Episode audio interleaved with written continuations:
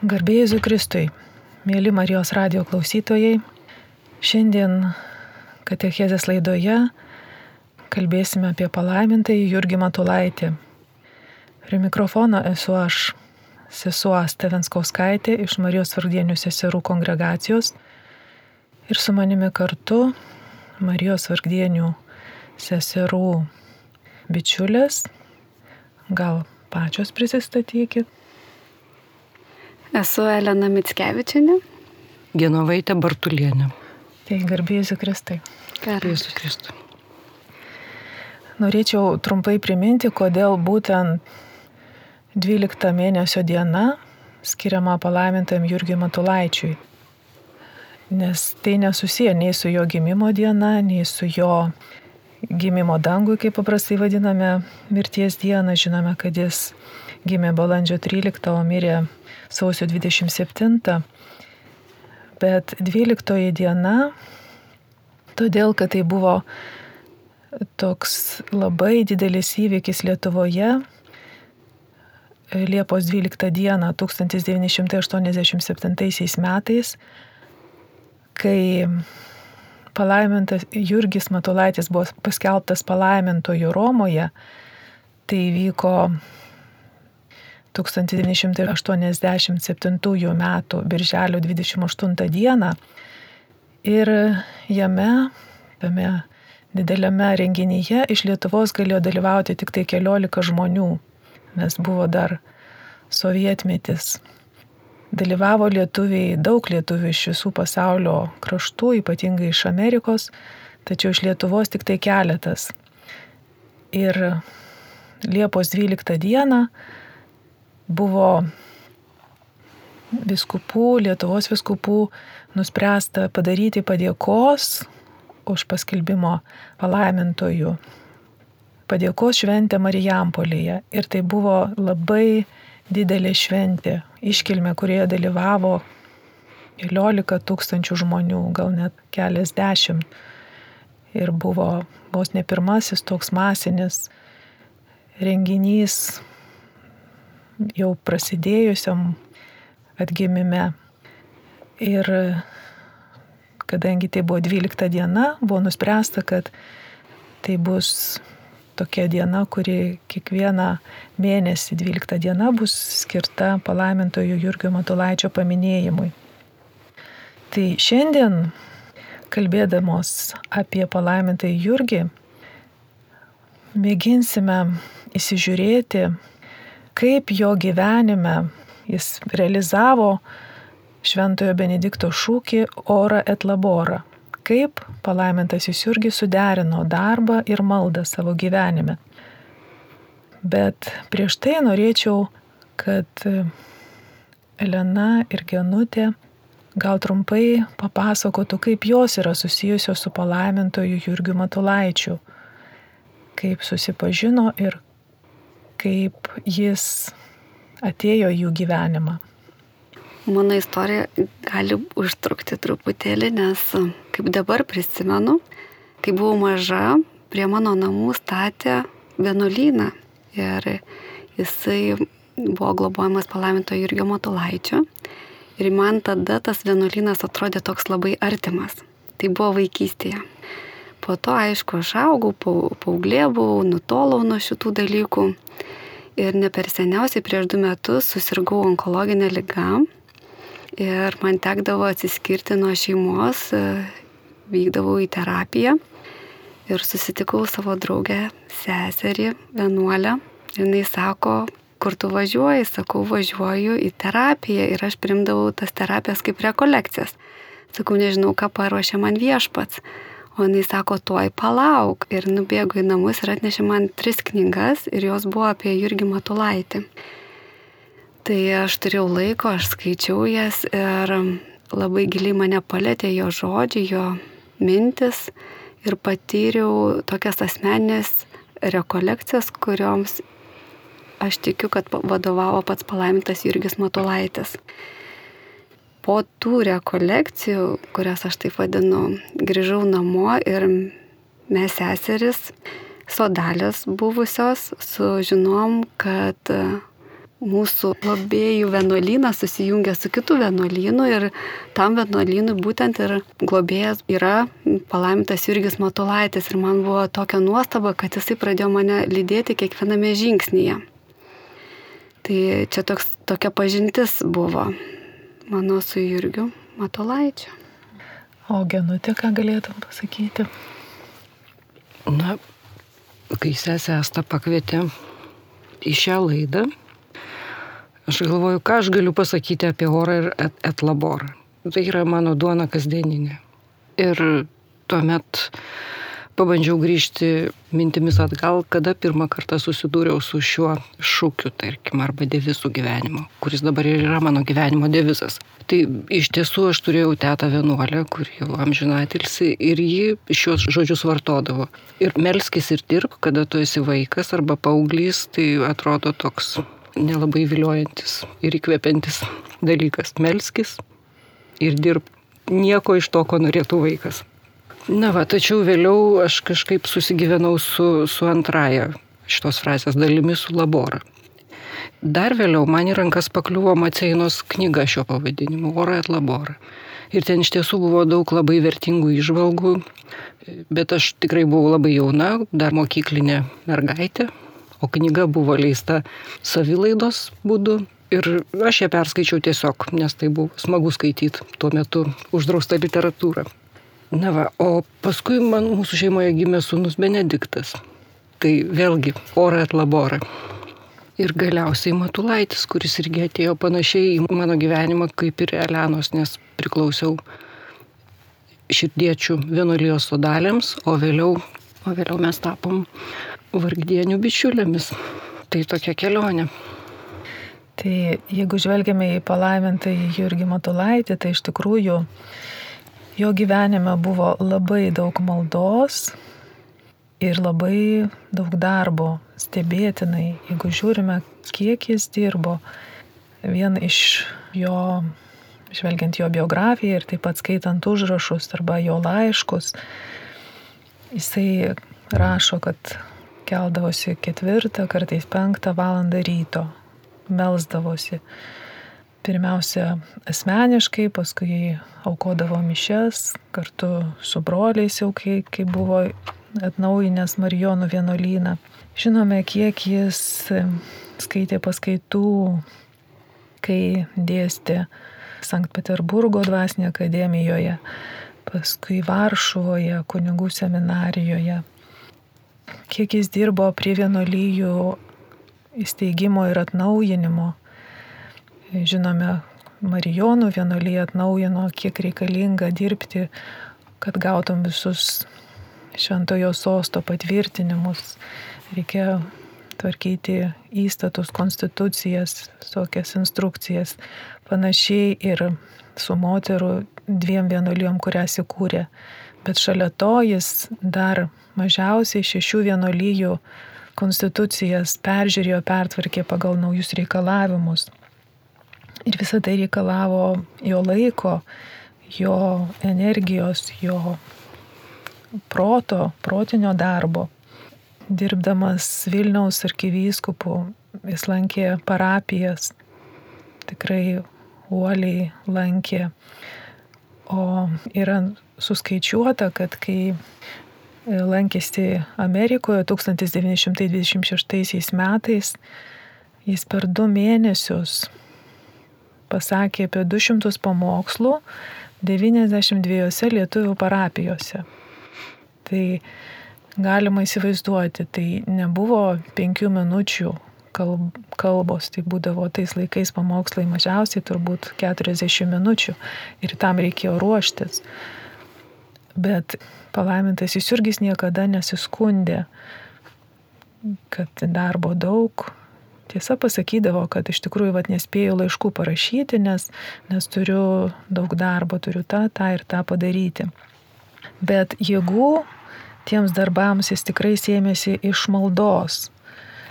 Ir jo užrašuose galime ne vienoje vietoje rasti tokias mintis, kurios ir parodo, kaip jis sugebėjo darbą jungti su malda. Pavyzdžiui, labai svarbu įprasti maldai pavesti atliekamo laiko trumpas valandžiukės. Tai yra einant nuo vieno darbo prie kito, kur važiuojant, net einant pasivaikščioti, atitrūkstant nuo darbo, nuo žmonių draugijos, nuo savo užsiemimo. Be tokios nuolatinės maldos, nuolatinio dvasios kelimo prie Dievo veikliame gyvenime, kurį turime mes vesti, neilgai ištiesėsime. Tai atrodo savaime suprantamas dalykas, kad jam, palaimintam Jurgiui, malda įkvėpdavo darbui, o darbas vesdavo į maldą. Būtų įdomu išgirsti, kaip jums, labai užimtoms moteriams, daugiavaikių šeimų mamoms, kaip jums sekasi derinti darbą su malda. Kuo toliau, tuo labiau suprantu šitus um, palaiminto Irgio Motolaičio žodžius. Nes iš tikrųjų auginu keturis vaikučius ir um, pradėjau dirbti, grįžau į darbus ir to laiko nėra daugiau negu įprastai. Ir norisi būti Dievo akivaizdoje nuolat ir vienintelė galimybė taip gyventi tai yra visur ir visada turėti mintis nukreiptas į Dievą. Tai paprastai, kai prabundu iš karto, kreipiam savo mintis, savo širdį į viešpatį, prašau jėgų tai dienai. Pastebėjau, kad esu vaikų psichologė, kai ateinu į darbą ir paukoju tą laiką Dievui ir prašau, kad jisai įkvėptų mane, padėtų man e, suprasti savo klientus, juos pamatyti Jėzaus akimis, kad nenuvertinčiau, nenusistebėčiau. Tai tos konsultacijos būna labai gilios ir jaučiu, kad Dievo tenai yra daug Taip pat namuose, kasdienybėje, būtyje pradėjau praktikuoti ir man tai labai patinka, verdant sriubą kalbėti su viešpačiu ir prašyti, kad jinai pavyktų. Arba su vaikais apkepa kepam ir palaiminam ir sakom, Dieve padaryk taip, kad jisai būtų skanus visiems, nes dažniausiai vieniems ar kitiems kažkas nepatinka. Tai kai gyvenu malda, atrodo viskas daug sklandžiau vyksta. Bet aišku, yra tų akimirkų, kai nutolstu ir atsiranda neramybė širdyje, ima susierzinimas, nuovargis ir tada ta būsena mane sustabdo ir kai sąmoningai sustoju ir pagalvoju, kas atsitiko, suprantu, kad labai nutolau ir kai grįžtu vėl atrandu ramybę. Tai man labai patinka palaiminto Jurgio Motolaičio šitas kaip ir patarimas, kad visur ir visada eiti su malda ir išnaudoti tas akimirkas, kai būni vienas, eini nuo darbo į darbą arba prieš darbą arba nedarbo metu, kai tam yra galimybė. Dar radau vieną irgi tokią mintį iš palaiminto Jurgio Matulaičio užrašų apie tą patį. Negalėdami daug laiko maldoms pašvesti, ypač mes turime pratintis į tą vidurinį maldingumą, Vidurinis taip, pagal matulaitį vidinis maldingumas. Į tuos nuolatinius prie Dievo pakilimus. Kiek tai laiko valandėlių veltui prapuola, be mastant apie kažin ką, apie kokią kaip ir tuštumą, nei pats žmogus nesižinai apie ką. Tik jauti, kad mastai, kad tavo mintis dirba ir netilsta, bet ką mastai nesižinai, tarytum kokius vėjus gaudai. Tai kaip tau genutė sekasi negaudyti vėjų tavo žimtoje dienoje kartais ir sunkiai sekasi iš tiesų, jeigu atvirai. Na, bet irgi eidama čia galvojau, vis tiek reikia atsakyti į klausimą, tai vardan ko aš dirbu.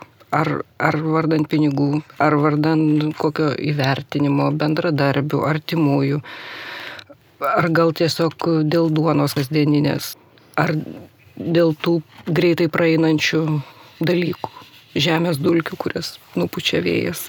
Ir visgi radau savo tokį atsakymą, kad darbas ir malda, kurie vienas kitą papildo, nes darbas be maldos, jis pasidaro labai tuščias ir, ir beprasmis ir nebeteikia džiaugsmo, o jeigu vien tik malda, tai irgi prarandamas tuo metu sąlytis su pasauliu, su realybė. Taigi ir darbas ir malda kyla iš meilės. Tai iš meilės kam? Iš, iš meilės turbūt mūsų artimiesiam, savo pačiam, tėviniai, Dievui. Visiem, visam tam, kas yra mūsų pamatinės vertybės. Na ir iš tiesų šitoj vietoj šiandien atsiverčiau orą atlaborą ir, ir mintimis grįžau į tą, į tą laiką, kai buvau jauna mergina ir bandžiau suprasti tą knygą. Ir, ir ten labai gražias paralelės Maceina pravedė, kad Kristus taigi buvo paprastas žmogelis iš kaimo, dailydė. Jis neprašoko savo aplinkos tuo metu, kai buvo dailydė. Jis netapo kažkuo įžymiu menininku, mokslininku bet jis nusileido iki žmonių, iki žmogaus lygmens, kartu su tai žmonėmis dirbo ir rodė pavyzdį, kaip dirbti ir kaip melstis. Ir man čia yra pats didžiausias Dievo meilės pavyzdys ir, ir parodimas. Ta mintis mane labai įkvėpia ir pačiai dirbti ir melstis. Dar norėčiau pridurti, va, Genutė pasakoja ir prisiminiau, kad kai skaičiau palaiminto Jurgio Matulaičio raštus, mane labai palėtė, kad jisai ragina būti ten, kur esi paprastai, kasdieniškai. Jeigu tu esi šeimoje, tai tenai neš savo visą širdį, jeigu tu esi darbe, nu, kaip aš esu psichologė, tai tenai atiduok savo širdį, kiek gali tobulinkis, kad būtum specialistas ne dėl to, kad puikuotumės, bet dėl to, kad neštum didesnę garbę Dievui, kad tu tikrai darytum gerus darbus. Arba ten sutinki savo kaiminę, atverkia į širdį paprastuose dalykuose. Ir mane tai labai palėtė. Ir gal tai mane labai skatina nesustoti ir eiti į priekį, ypatingai dabar darbe, mokytis iš naujo, kad jeigu jau esu tame, tai turiu stengtis padaryti tai kuo geriau, kad tai būtų naudinga. Ne tik dėl to žmogaus, bet kad Dievui tai patiktų. Ir čia galėčiau pridurti labai gražią Jurgio Matulaičio mintį. Be nuolatinės maldos mano siela vysta ir džiūsta, jėgos išsenka ir išsibaigia dvasia, išsiblaško ir pats darbas pasidaro stebėtinai bergščias. Iš tiesų taip ir yra.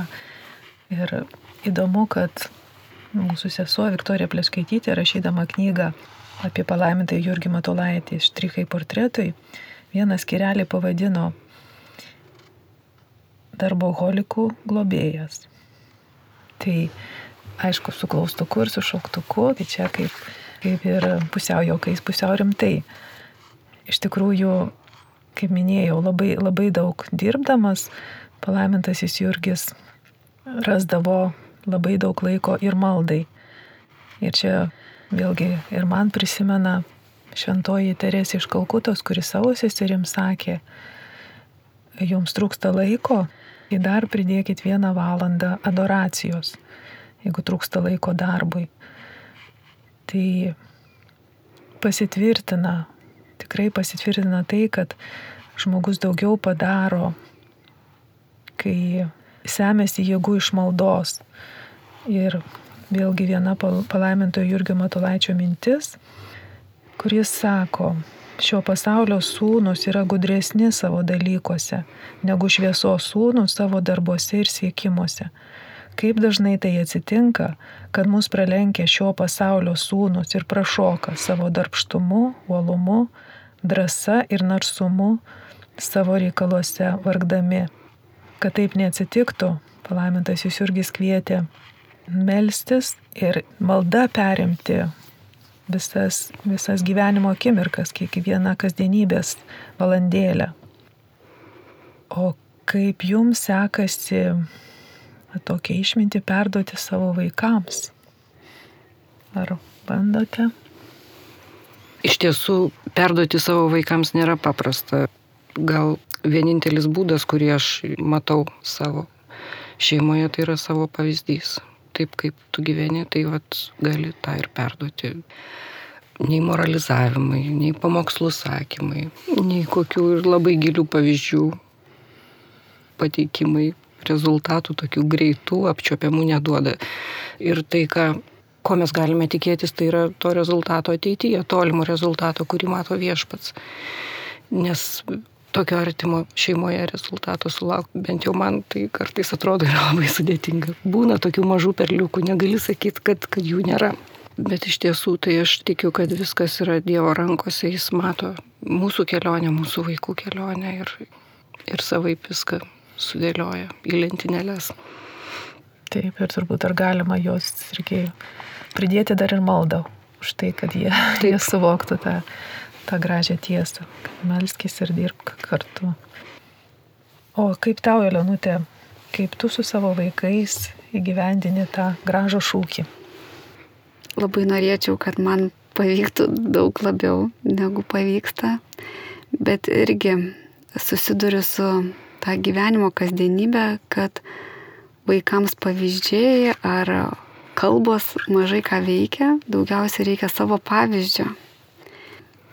Kai vaikai mato, kad stengiuosi, jie klausia, dėl ko mama tu stengiasi ir tada turiu galimybę papasakoti, kodėl man yra svarbus, tarkim, darbas, kodėl aš einu aplankyti močiutę kaiminę ir jie labai klausosi. Bet tokių atvirumo akimirkų, kai jiems yra įdomu, pasitaiko ne taip dažnai, kaip aš norėčiau, Ir dar vieną galimybę turiu, irgi retai, bet pasitaiko mano vaikai grojantis.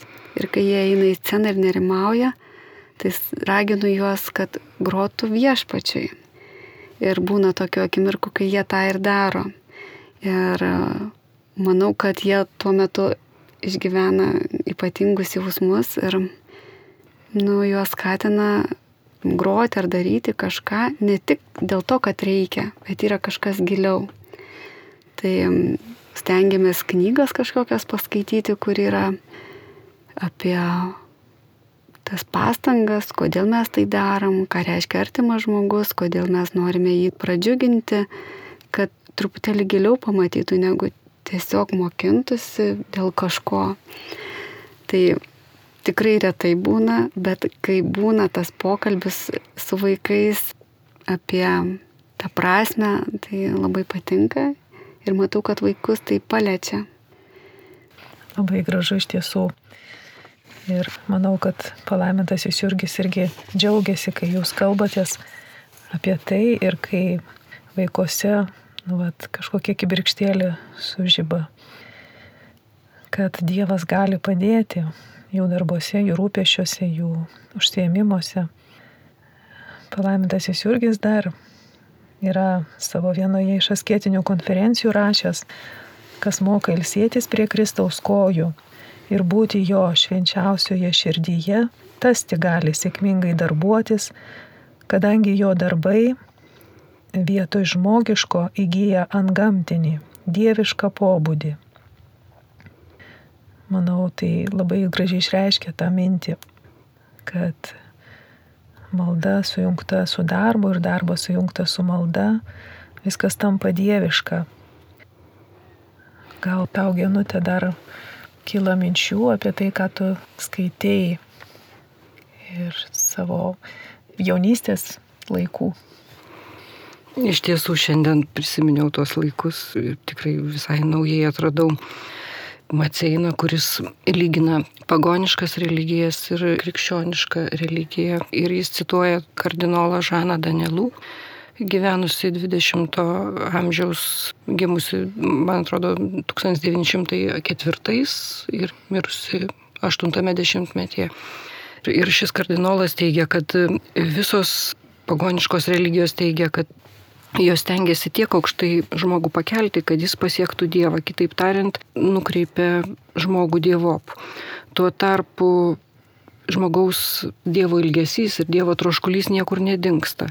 Ir krikščionybėje tas Dievo troškulys jis yra atvirkščias. Būtent krikščioniškas Dievas ieško žmogaus. Jis tai yra krikščionybė nėra žmogaus pastanga Dievo linkui. Tai yra ji yra dieviškoji gale vykdanti žmoguje tai, kas yra Dievo duota žmogui.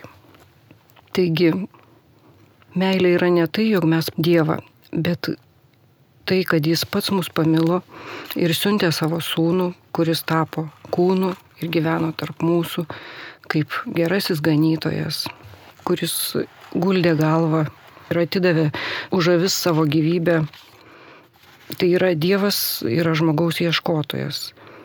Taigi man ir tas orai atlaborai yra toks priminimas, kad Dievas yra žmogaus ieškotojas. Ir tokiu būdu jis mums parodė, kaip jis mūsų ieško. Jis dirba ir melžiasi, melžiasi ir dirba kartu su žmogumi.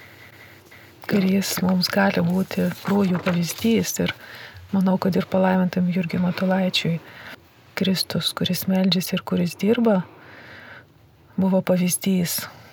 Ir dėl to mes dabar galime į, į palaimintą Jurgį žvelgti ir iš jo mokytis tos meilės maldai, meilės darbui, prašyti jo užtarti mus ir, ir mokyti mus, kaip mokėti suderinti, ypač tada, kai to darbo atrodo tiek daug, kad tiesiog jis virš galvos visokių užduočių, užsiemimų ir rūpeščių, kaip nepaskesti tame, bet matyti Dievą kaip inkarą, kuris padeda neprarasti krypties.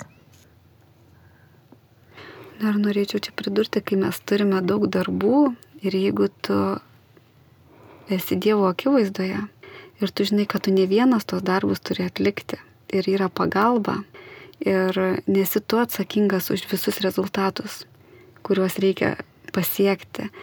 Ir va čia va, palaiminto Jurgio Matolaičio mintis mane labai ramina. Jisai sako, Dievui užtenka tavo troškimo begalinio ir tavo pastangų. Nesvarbu, kokį rezultatą tai duos. Jau vien tai, kad tu trokšti ir stengiasi, tai yra Dievui didelė garbė, Dievui didelis džiaugsmas ir jisai tikrai ateis pas tave ir padės viską, kiek reikia tavo sielos išganimui atlikti. Ne? Tai tai labai drąsina. Net ir nepasiklysti, kai turi daug darbų, išsigryninti, kurie va šiandien yra svarbiausia, jeigu netlikau, matyt, nebuvo tokie jie svarbus, labai išlaisvina. Bent jau mane. Man tai įkvėpimą duoda malda darbų visuomet. Ir tikrai pakliūnami tokias situacijas, kur neina darbas, stovi ir niekaip nepasidar. Ir atrodo, ir vienai bandai, ir kitaip, ir jis vis tiek užstrigęs. Ir žiūrėk, trumpa malda, dar kita trumpa malda ir, ir viskas pajuda iš savo vietos. Man tai visada yra įkvėpimas darbui ir, ir atvirkščiai. Ir darbas, mhm. kai pradeda jau išdžiovina, tuomet irgi kreipi mintis į dangų. Tai yra tikrai darboholizmo ir, darbo, ir darboholiko kredorą ir laborą. Man taip pat svarbu šitoje vietoje ir, ir kitas aspektas, juk darbė mes kūrėme santyki. Ir šeimoje mes kūrėme santyki, dirbdami mes kūrėme santyki, nes šeimoje irgi daug skiriam laiko ir, ir darbo ir jėgų.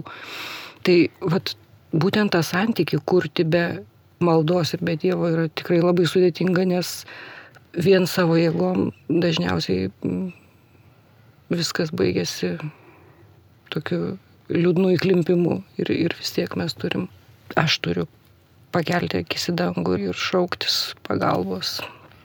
Ir palaimintas Jurgis Matulaitis daug kalbėjo apie santykius vienuolynę tarp vienuolių, tiesa, sesė. Taip, taip. Ir um, šeimoje mes, kai gyvename, man labai tokia paralelė yra, kaip išbūti santykį su savo artimaisiais, kad tai būtų miela, ten jaustum artumą, saugumą, galėtum būti savimi, kad tave primtų besąlygiškai. Ir kai augini vaikus, visokių būna situacijų sunkių arba kai gyveni su vyru irgi netitinka norai arba gyvenimo būdas, vis tiek ateini iš skirtingų šeimų. Tai aš ką praktikuoju ir man tai labai padeda, prieš einant į pokalbį sudėtingose situacijose prašyti šventosios dvasios, įkvėpimo, pagalbos, Dievo pagalbos, kad tą pokalbį tiek perkeistų, kad jisai duotų naudą. Nebūtinai, kad ten nebūtų konfliktų ar ten kažkokios konfrontacijos ir panašiai, bet kad tai išvestų į naudą. Ir va kaip įdomu, mes su paaugliu turim truputėlį, kaip visos mamos, nerimaujam, ne? Ir su kunigu Arnoldu Valkausku vaikščiom ir kalbėjomės ir jisai sako, būtinai kiekvieną kartą, kai eisi su paaugliu kalbėtis, melskis. Ir galvoju, jėtus, tai auksinė taisyklė, tą patį ir palaimintas Jurgis Matulaitis sako, taip, bet ką darant, tu pirmiau pasimelsk. Tai va, tai... Taip, ir kartais visai nereikia ilgos maldos, tai mm. užtenka vienos minties, strėlinės, maldos. Taip. Ir vėlgi radau tokią mintį palaimintojo Jurgio. Palaimintas, kuris besitriūsdamas ir bedirbdamas dėl Dievo didesnės garbės, mokės taip Dievuje skendėti ir su Dievu vienybėje gyventi. Aišku, čia yra siekiamybė. Dievoje skendėti ir su Dievu vienybėje gyventi, bet vat, tos mūsų maldos akimirkos, kaip sakai, prieš einant į pokalbį, prieš kažkokį darbą arba kai užstringa darbas ir atrodo nebėra išeities, ta mūsų malda mus veda į tą idealą, kur ora et labora. Gal dar galėtume pažvelgti į šventąjį raštą ir ten paieškoti pavyzdžių arba idealo, kaip turime gyventi malda ir darbu. Šventame rašte yra tokia scena, kur Jėzus keliauja ir ateina pas savo draugus į namus, pas Mariją Mortą ir Lozorių. Jėzus kalbasi, o Morta patarnauja, supykstant savo sesers Marijos, kuri klausosi viešpatės, šalia jo sėdi ir kontempliuoja. Ir Morta sako, Jėzau, pasakyk mano seseriai Marijai, kad jinai man padėtų, nes aš čia dirbu, o, o va, jinai tai tik tai klausosi šalia tavęs. O Jėzus sako, dabar net kartuosiu tų tiksliai žodžių, bet principas tas, kad nu, Marija pasirinko tą geresnę dalį, nes jinai yra šalia manęs. Bet jisai nenuvertina ir Mortos, kuri patarnauja, nes jeigu nebūtų Mortos, kas patarnautų, kaip jie turėtų tų gerybių ant stalo arba kad viskas būtų viskuo būtų pasirūpinta. Ir žinoma, ta Marija ir Morta yra mumise. Tos abi dvi moteris yra mumise, ne būtinai, kad manyje moteryje, tos dvi moteris, bet kiekviename asmenyje. Ir kaip suderinti, kad nebūtų taip, kad mes pasinerėme būti ir vien tik taip pat tarnaujame ir išsenkame ir pavarstame ir pradedame pykti ant kitų, kurie nepamato mūsų didelio vargo. Ir kaip netapti tą Mariją, kuri nuolat sėdi ir nepamato šalia esančio Tarsi žmogaus. Atitrūkusi. Taip, atitrūkusi nuo kasdienybės ir nemato šalia esančio žmogaus, kuris sako, ei, pamatyk ir mane, aš čia dirbu, esu šalia tavęs, kur aš, ne? Tai va, gal mane labai irgi šitą sceną įkvėpia, kad nepamiršti, kad manie yra ir tas, ir tas, ir mano aplinkoje yra ir tų žmonių, kurie daug dirba ir jie nori mano dėmesio ir atjautos ir kad atkreipčiau juos dėmesį ne, ir padėčiau jiems ateiti gal prie Jėzaus. Ir lygiai taip pat yra tų žmonių, kurie gilus maldoje ir sako, Elena, tu per daug būti, ateik pas mane, pabūk, palsėk. Tai viena ir manyje, ir aplinkoje šią sceną galiu mhm. patirti ir kontempliuoti. Tikrai, Morta yra visoks patarnavimas, Taip. o Marija yra sėdėjimas prie viešpaties kojų. Bet man e, tobuliausias derinys šių dviejų priešybių ir yra Jurgio Matulaičio gyvenimas, kuris, vat, kaip ir sesuo mhm. Asta pasakojo, jis buvo kupinas be galo daug maldos ir be galo daug darbo. Ir, ir teko paskaityti, kad jis ragindavo visus vykstančius į misijas pirmiausia rūpintis mažutėliais, vargstančiais, jiems skirti didžiausią dėmesį. Tai yra tais, kurie yra tokie galbūt at, atgrasiausi, kurie yra benamiai, kurie mūsų netraukia. Tai, na, ir čia turiu jo vieną citatą iš jo maldos. Viską tau pašvenčiu. Jei valia prašyti, tai duok viešpatė, kad aš būčiau tavo bažnyčioje, nelyginant tą mazgotį, puotkelį, kuri viską valo, o suvartoja metą šalin, kuri tamsiausia ir bjauriausia kampa. Tegul ir aš taip tapčiau suvartotas ir sunaudotas, kad tik tavo bažnyčioje būtų koks nors kampelis geriau išvalytas, kad tik tavo name būtų šiek tiek švariau ir skaiščiau. Labai gražu. Aš prisimenu, kad šitą mintį aš perskaičiu irgi jaunystėje dabar kažkaip patraukė jaunystė. Tai ir man taip skambėjo toks idealas ir galvojau, kaip žmogus va taip nori būti ta šluostė, ta potkelė, bet tam, kad bažnyčiai būtų šviesiau. Ir tikrai mane uždegė ir aš manau, kad palaimintasis Jurgis va, šitais savo žodžiais manyje pažadino pirmosius pašaukimo į vienuolinį gyvenimą daigus. Ir aš tai esu jam labai dėkinga. Jis negalvojo apie kažkokius iš labai didingus darbus, apie, apie matomus ir, ir giriamus darbus, bet būtent apie tai, ką, ką daro šluostė, potkelė, ar kažkur kažką pavalyti, kažkur kad būtų švariau, kad būtų šviesiau ir paskui jo, kaip jis sakė, tegul išmeta ir, ir atrodo, kad tikrai jo gyvenimas taip, taip ir išsipildė ir viešpats išgirdo tą jo maldą.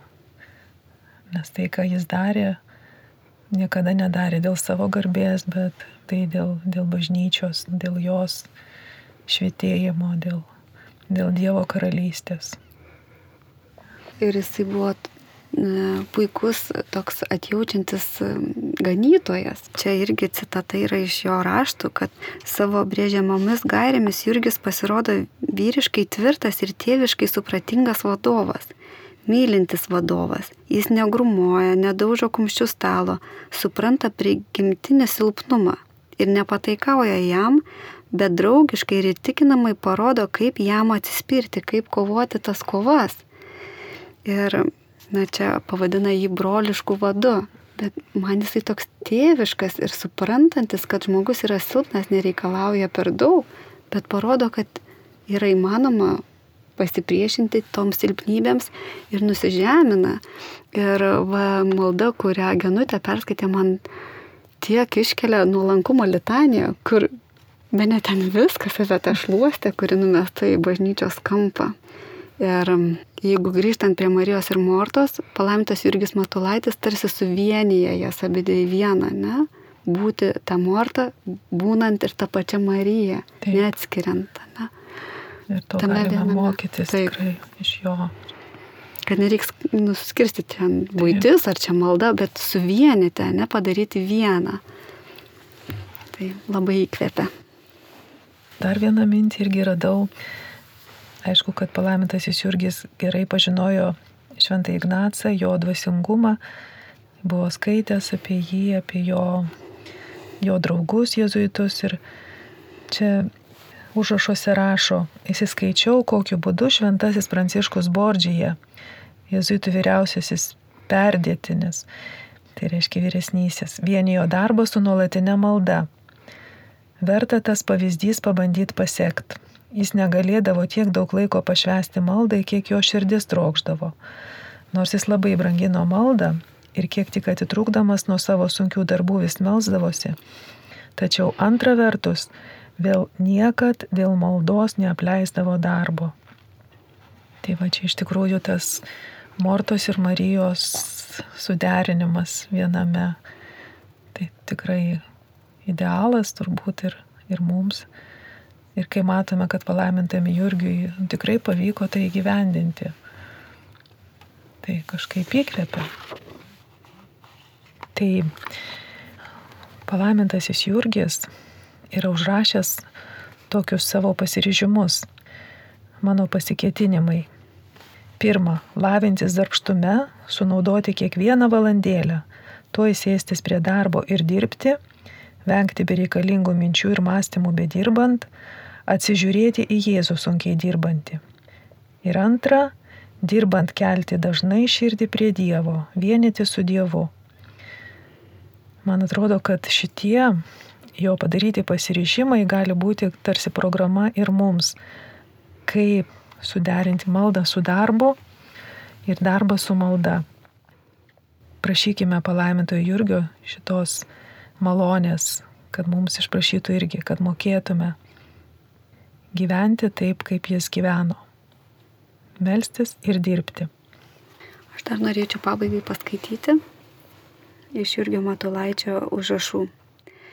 Dažnai atsitinka, kad pradedame savo galvą greušti dėl kliučių, kurias matome, ar net ir dėl tų, kurios gali ateityje kada nors rastis. Jei rasi, skundžiamės dėl to, kad neturime išsiktų priemonių, kurių mums reikia. Ir imame galvoti, kad tas visas kliūtis pašalinus ir kaip čia tuos visus įrankius susitaisius. Tuo dažnai viskas ir pasibaigia. Prie paties tikslo jau nenueiname. Pridara mums kitaip pasielgti. Jei tikslas geras ir tinkamas, jei tik jis gali atnešti Dievui garbę ir bažnyčiai naudą, reikia drąsiai stoti prie to darbo ir eiti prie tikslo.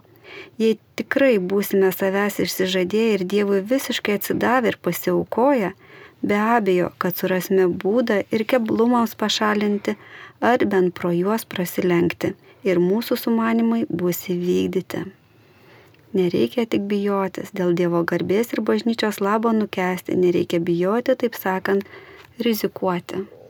O genutė, ką nors galėtum irgi gal iš matulaičio palinkėjimą. Taip, taip, tikrai Nes iš tiesų orą etlaborą nuo šešto amžiaus tebėra aktualus per visus tuos kitus amžius iki šio 21 amžiaus. Man labai brangus yra Jurgio Matulaičio šie žodžiai. Nereikia nei susižavėjimą keliančių darbų, nei stebuklų, bet vien tik nuolankios, ramios, ištvermingos ištikimybės mažose dalykuose. Tai ir yra pats didžiausias stebuklas. Tai tiesa, kurios vykdymas pripildo žemę darybę, o dangų šventaisiais. To linkime savo ir jums, mėly Marijos radio klausytojai. Sudė. Sudė. Sudė.